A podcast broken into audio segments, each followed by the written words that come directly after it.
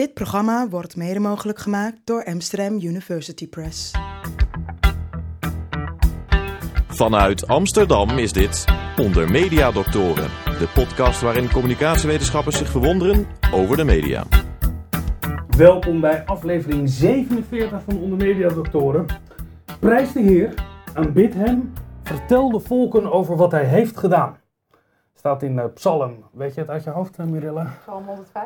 Psalm 105, helemaal goed. Uh, vandaag gaan we het hebben over religie en media. Christenen gaan steeds minder naar de kerk en jonge moslims komen minder in de moskee dan hun ouders. En veel Nederlanders geloven niet zozeer in God, maar toch wel in iets. Welke rol hebben de media hierin? Hebben de media ons verder van het geloof afgedreven? Of hebben de media de rol van de godshuis juist overgenomen?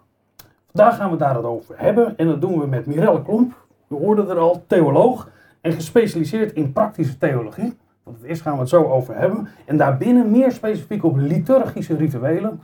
En uiteraard met dokter Linde Duits, allesweter.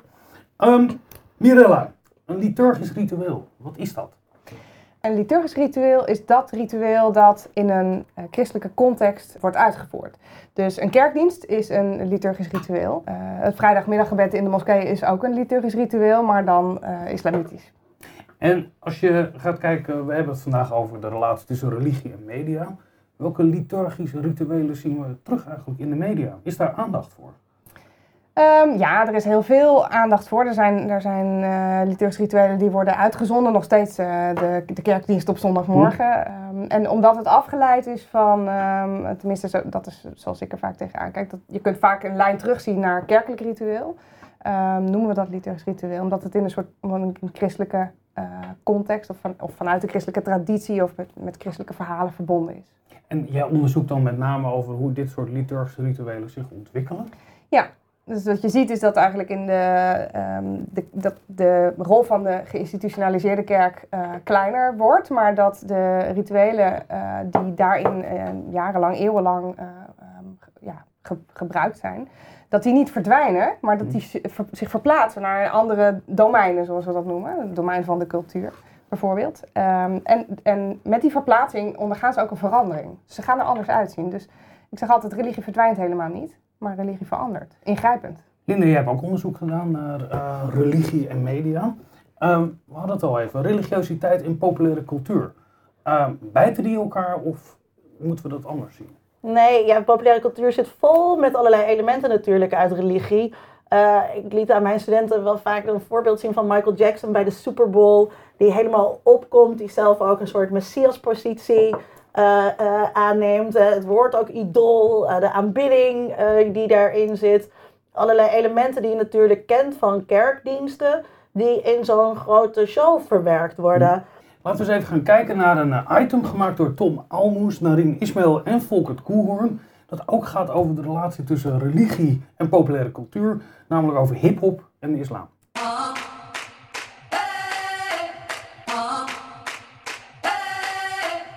Hip-hop is van oorsprong een manier waarop zowel muzikanten als luisteraars hun etnische, culturele en politieke identiteit uitdrukken. Het zal dan ook geen verbazing zijn dat religie een grote rol speelt in de hip-hopcultuur.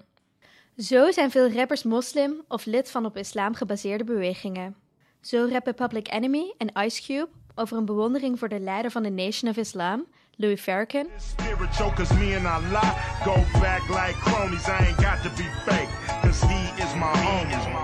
En verspreidt RZA van de Wu-Tang Clan de leer van de 5% Nation door zijn raps. Peace, God. Peace to the God. How you, God? I'm studying 120 right now. Mm. Call me back at the God hour. The fuck? It's just a new way of thinking. Daarbij is ook de taal van hip-hop beïnvloed door de 5%ers, een groep zwarte moslims die gelooft dat elke zwarte man een god is. Het bekende word staat voor het woord van Allah en de G in What Up G komt niet van gangsta, maar van God. Doordat de rol van de Nation of Islam en de 5%ers naast spiritueel ook politiek is, ze streven allebei zwart nationalisme na, is veel islamitische hip-hop ook activistisch. Dat is ook goed terug te horen in het werk van rapgroepen als Public Enemy.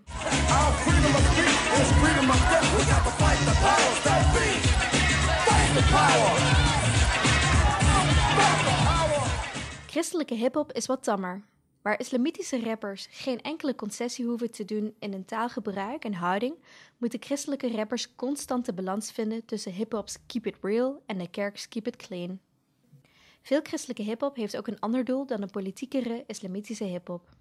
Christelijke hip-hop probeert door het gebruik van een genre, dat voornamelijk een trek is onder jongeren, mensen weer terug te krijgen in de steeds legere kerkbanken. Hier waren ze al vroeg bij. Het eerste voorbeeld is te horen in pastoor Stephen Wiley's Bible Break, dat uitkwam in 1985. Praise the Lord, for goodness sake, we're all gonna take a Bible break. I said, Praise the Lord, for goodness sake, we're all gonna take a Bible break. So when your fingers start to pop and your feet start to tap, you're listening to the righteous rap. Een laatste interessante ontwikkeling is de verregularisering van hip-hop zelf. Rapper KRS-One publiceerde in 2009 The Gospel of Hip Hop. En rapper Kanye West riep zichzelf vier jaar later zelfs uit tot God. Dus wie weet gaan we, als Kanye West in 2020 de presidentsverkiezingen wint, allemaal naar de kerk van hiphop. Mirella, we zien een hele duidelijke relatie tussen populaire cultuur en religieuze rituelen, liturgische rituelen. Moeten we dat nou zien als dat er vormelementen worden overgenomen of heeft het ook een evangeliserend doel? Ehm, dat doel heeft het in sommige eh, ehm, gevallen zeker. Het hangt een beetje vanaf wie de organisator is vaak. Ehm, maar als een organisator zo'n doel heeft, wil dat niet zeggen dat ook het effect eh, eh, hetzelfde is. Eh, om een voorbeeld te noemen, eh, The Passion. Eh, het is een, eigenlijk een heel eh, oude vorm. Eh, je zou kunnen zeggen dat het een vorm is van eh passiespelen die, we al, eh, die al in de middeleeuwen ontstaan.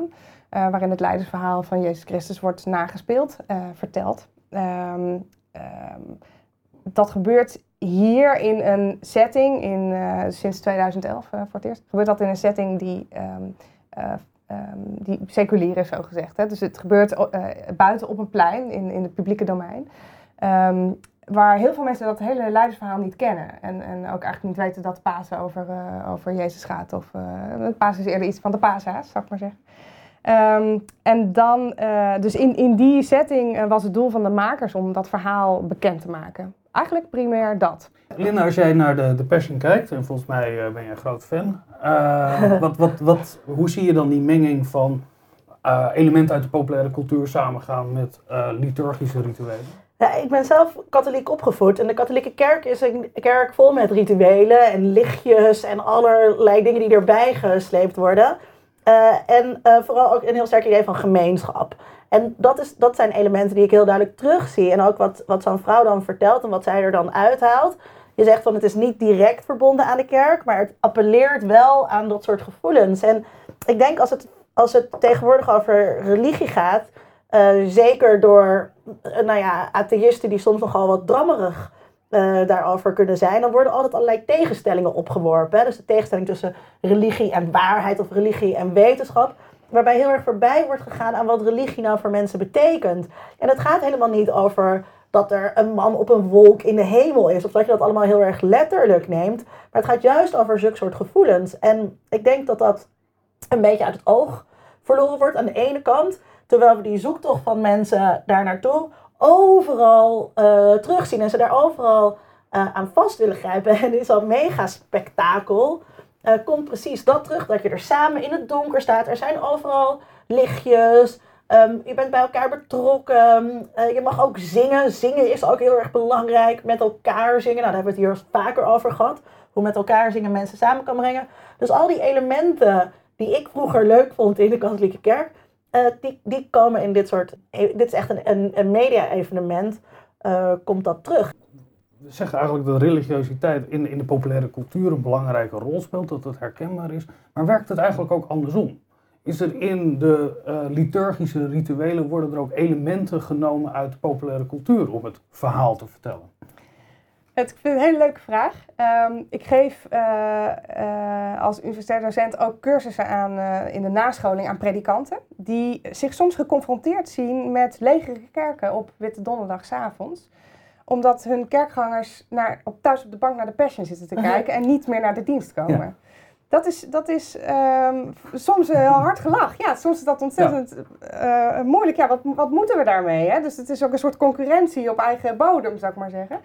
Um, wat je ook ziet dan is dat, dat sommige kerken, sommige gemeenten of predikanten eh, dan maar besluiten om zelf iets met die passion te gaan doen. Het is een beetje, nou, if you beat them, join them, zeg maar. Een soort van, ja, het, het, eh, voorziet in een bepaalde behoefte. Mensen we- weten zich hierdoor aangesproken. Het raakt mensen. Er komen thema's in voorbij die, eh, ehm, die raakt aan, het, aan, aan, aan ja, gewoon de, de gewone levens van deze mensen. Ehm, als dat zo is, moeten wij daar dan niet ook wat mee? Dus er zijn kerken die zetten hun deuren open en, en zetten een groot scherm in de kerk en streamen de Passion live. En zetten daarvoor hun eigen kerkdienst aan de kant. Eh, Maar of- wel of- met elkaar beleven ja, eh, om, in om, de het kerk. met elkaar, ja. om het met elkaar te doen. Ehm, dat is de ene kant. En de andere kant, andere kant wat je ook ziet, is dat kerken, zijn ook niet achterlijk natuurlijk, denken, hé, dit is een concept dat werkt, maar dat kunnen wij ook. En misschien kunnen we dat zelfs beter. Dat gaan wij lokaal ook doen. Dus je ziet ook lokale kleine passions ontstaan. eh, waarin dan eh, nou ja, de plaatselijke muziekvereniging of de toneelvereniging eh, en, en, en eh, ehm, ja, soms de burgemeester wordt ge, ge- ingezet om het verhaal te vertellen en, en, en het spektakel neer te zetten. Helaas doen ze dat dan wel. Ja, Helaas doen ze dat wel vaak in een kerk. Dat vind ik dan weer zo jammer. Dan denk ik, de kracht van de passion is dat het buiten is en dat mensen niet die drempel van de kerk over hoeven. En dan, Ehm, volgens mij ben je ooit in een groot voetbalstadion geweest in de EO Jongerendag. Herken je hoe daar elementen uit de populaire cultuur over zijn genomen? Ja, eh, dat wordt natuurlijk heel erg gespiegeld. Eh, wat ik net aan het begin zei, hè, dus in populaire cultuur zien we veel vormen van religie terug, van ritueel, eh, rituele religie terug. Ehm, maar je ziet ook dat het omgekeerd omgedaan, eh, nagedaan wordt. En dat is bij de EO Jongerendag heel duidelijk het geval. En de makers van de EO Jongerendag willen dat ook heel graag. Dus het is ook heel duidelijk het doel om eigentijds over te komen. En hoe kom je eigentijds over? Nou, met een beetje een MTV-achtig logo, met veel spektakel. Er kwam een funkband eh spelen het jaar dat ik daar onderzoek eh, naar deed. Wat heel grappig was, die speelde een nummer van James Brown. Eh, Sex Machine, dat was natuurlijk niet zo geschikt. Eh, dus dat werd de Dance Machine. Oh, dat werd ook vertaald. eh, een ander woord. er wordt een ander woord ja. gezongen. En dan zie je dat het, heel, dat het, dat het echt is ingestoken om, eh, de- om voor de jongeren zo aansprekend mogelijk te zijn.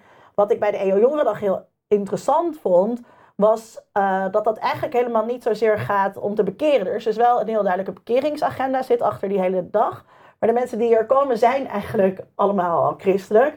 Dus die zijn hooguit dus inderdaad aan het kerkshoppen. Ehm, maar het is dan niet echt zo dat er heel veel seculiere jongeren daar naartoe meegenomen worden. En dat die dan met die eh, populaire cultuur de kerk ingelokt worden, om het maar zo te zeggen. Maar dat het veel meer is om mensen die al in de kerk zijn, eh, te behouden en een andere vorm aan te bieden. Ik wil graag gaan luisteren en dan kunnen we daarna verder erover praten eh, naar een interview met Samuel Gerrits. Hij is jongerenwerker en het interview is gemaakt met Sebastian van der Poel. En het gaat over de rol van media in zijn.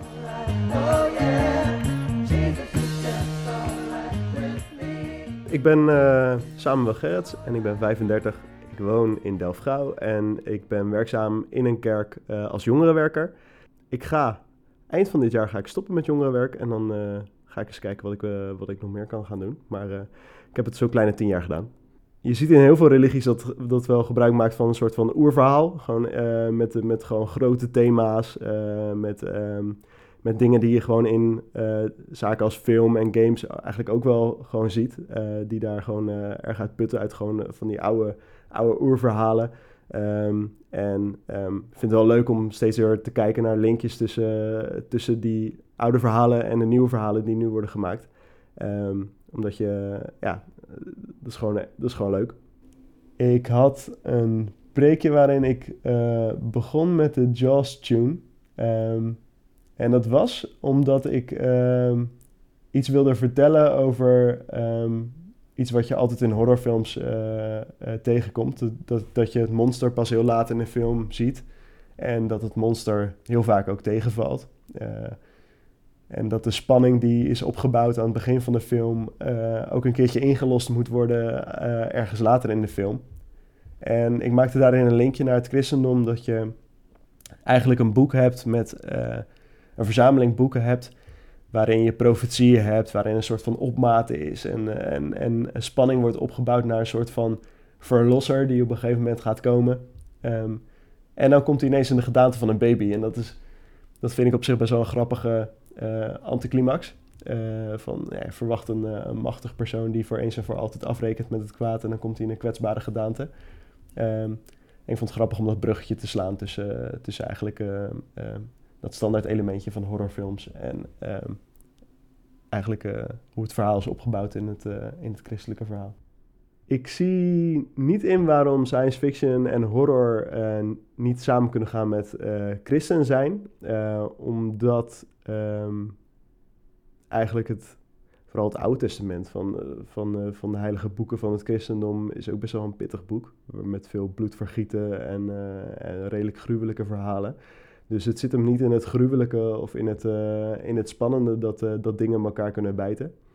Ehm, Ik vind het juist wel leuk om dat soort spannende thema's een beetje te verkennen. En het is wel zo dat binnen, binnen bepaalde takken van het christendom wordt afgeraden om, om, ehm, om dingen als horror te kijken, omdat ze, omdat ze er iets, iets occults of iets duisters in, eh, in zien, waar je liever niet in aanraking mee moet komen. Eh, maar ik zie die eh, uitingen van populaire cultuur niet direct als eh, geladen religieuze dingen waar je je handen aan kan branden. Ehm, dan zie ik eerder ehm, ehm, dat bepaalde ideeën die je, die je overbrengt via, eh, via grote verhalen, die, die kunnen giftig zijn of die kunnen, die kunnen spannend zijn of conflicteren met je christelijke, christelijke geloof. Maar die zijn niet exclusief aan horror of science fiction verbonden. Die kun je ook in een soap vinden of, of gewoon in een eh, politiek programma.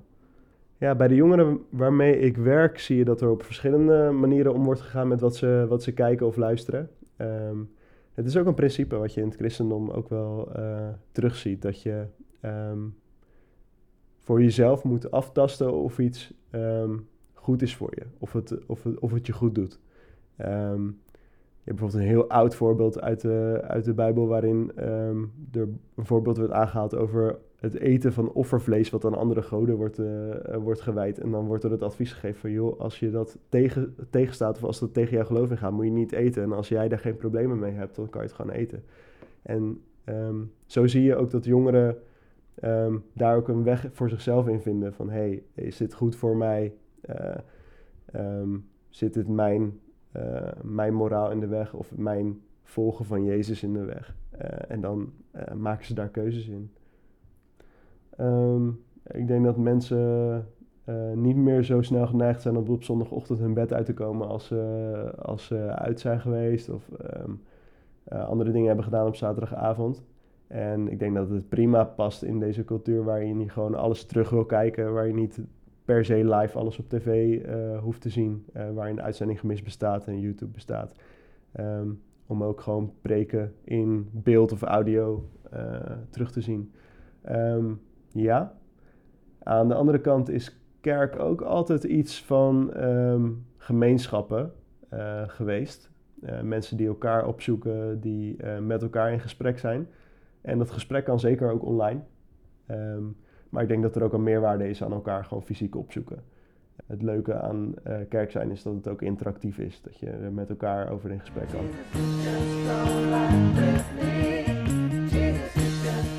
Samuel heeft het over een, een, een- het, dat je best wel ook gebruik kan maken van horror eh, of thriller elementen of andere dingen uit de populaire cultuur.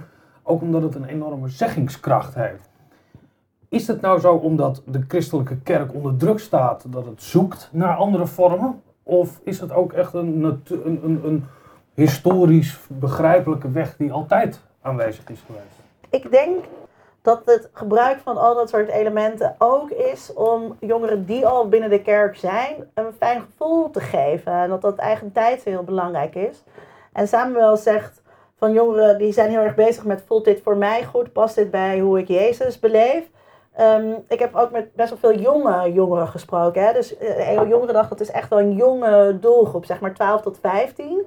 En die zijn heel erg, net als andere jongeren, jo- jongeren willen dat heel erg normaal zijn, geaccepteerd. Is het oké wat ik doe? Nou, dat zijn zij ook. En zij zoeken heel erg toch wel naar externe validatie. En is het, is het wel heel belangrijk dat er zo'n jongerenwerker is, of een leuke predikant eh, eh, die je hebt, ehm, die eh, dat soort aan, aan, aansprekendheid weet te bieden. En zegt, oké, je kan inderdaad ook naar zo'n film kijken of naar zo'n serie of naar zulke muziek en dit eruit halen. Ik heb met Samuel wel eens vaak gesprekken over The Walking Dead Dat, waarbij ik dan ook zeg, maar hoe kijk jij nou naar deze gruwelijke zombie-serie? Maar dat gaat natuurlijk ook over rechtvaardigheid en over al die grote thema's eh, waar de Bijbel ook over verhaalt. Um, dus ik heb, ik heb vooral het idee dat het ook aansluiting vinden is. Omdat ik niet het idee heb dat ehm, mensen binnen de kerk zich de illusie hebben dat je zo mensen bekeert. Linda, ik ga jou als eerste vragen om een antwoord te geven op de vraag die we in deze uitzending hebben gesteld. Namelijk hoe media en populaire cultuur, of, uh, of media en populaire cultuur, hoe religiositeit en populaire cultuur, waarbinnen media een belangrijke rol spelen. Uh, bijten die elkaar of hoe moeten we dat anders zien? Hoe zou jouw antwoord daarop luiden? Het is echt heel gek om te denken dat die twee elkaar bijten. Terwijl we dat toch, ons toch een beetje geleerd is. Hè? We hebben het vandaag helemaal niet gehad over uh, mensen in de kerk die zeiden dat als je uh, popmuziek ging luisteren achter tevoren, dat, dan dat je dan de duivel zou horen. Dat is het idee wat ons een beetje aangepraat is bij de opkomst van rock en roll, die toch wel een beetje vonden mensen, terwijl dat natuurlijk niet helemaal klopt, gelijk ging met secularisering, is dat een soort mythe geworden. En er is sowieso, denk ik, een mythe van secularisering die helemaal niet klopt. Maar die is heel erg gekoppeld aan die populaire cultuur. Populaire cultuur is uh, van de duivel. Uh, dat is niet zo. Populaire cultuur eh, ontleent heel veel elementen uh, aan religie en aan religieuze rituelen. En omgekeerd is het ook niet zo dat de kerk losstaat van de samenleving. En populaire cultuur gaat over, over de samenleving. Dus die kerk staat in de samenleving, staat ook in populaire cultuur. Um, en gebruikt dus ook allerlei elementen van populaire cultuur om uh, mensen te behouden, om mensen te binden, om um, aanknopingspunten te bieden. Uh, want in populaire cultuur worden verhalen verteld en in de Bijbel worden verhalen verteld. En uiteindelijk uh, draait het denk ik om hoe, hoe mensen tot elkaar komen. Daar gaat populaire cultuur ook heel erg over.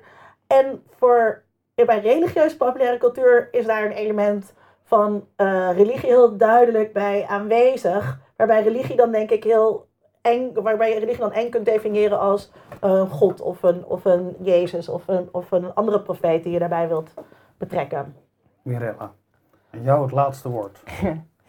Ja, ik ben um, um, zeker geen groot voorstander van uh, allerlei dichotomieën of tegenstellingen. Dus ik denk dat um, ja, dat de media zeker onze populaire cultuur, uh, uh, of dat media en populaire cultuur onze, onze wereld niet minder religieus maken, maar misschien eigenlijk juist wel meer religieus.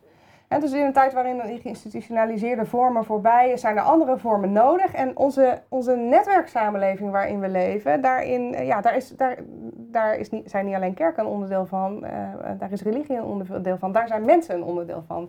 En in al hun zoektocht naar naar zin en betekenis, um, uh, kennen zij uh, religieuze betekenissen toe of kennen ze sacrale betekenissen toe, welke term je dan ook uh, daarvoor wilt gebruiken. Dus ik denk dat um, ja, juist die netwerksamenleving heel veel meer mogelijkheden biedt om tot religieuze expressie te komen. Dames en heren, keek of luisterde naar Onder Media Doctoren en u, u kunt zich op onze podcast abonneren via iTunes of Stitcher. Kijk daarvoor op ondermediadoktoren.nl en daar vind je ook het archief met 46 andere afleveringen. Uh, ik bedank Volkert Koehoorn, Iris Verhulstonk, Sebastian van der Pol en onze Fonkel nieuwe mediastudenten Narien Ismail, Pim Prins en Tom Aalmoes. Ik bedank Linda Duits uiteraard en natuurlijk onze gast Mirella. Heel fijn dat je er was.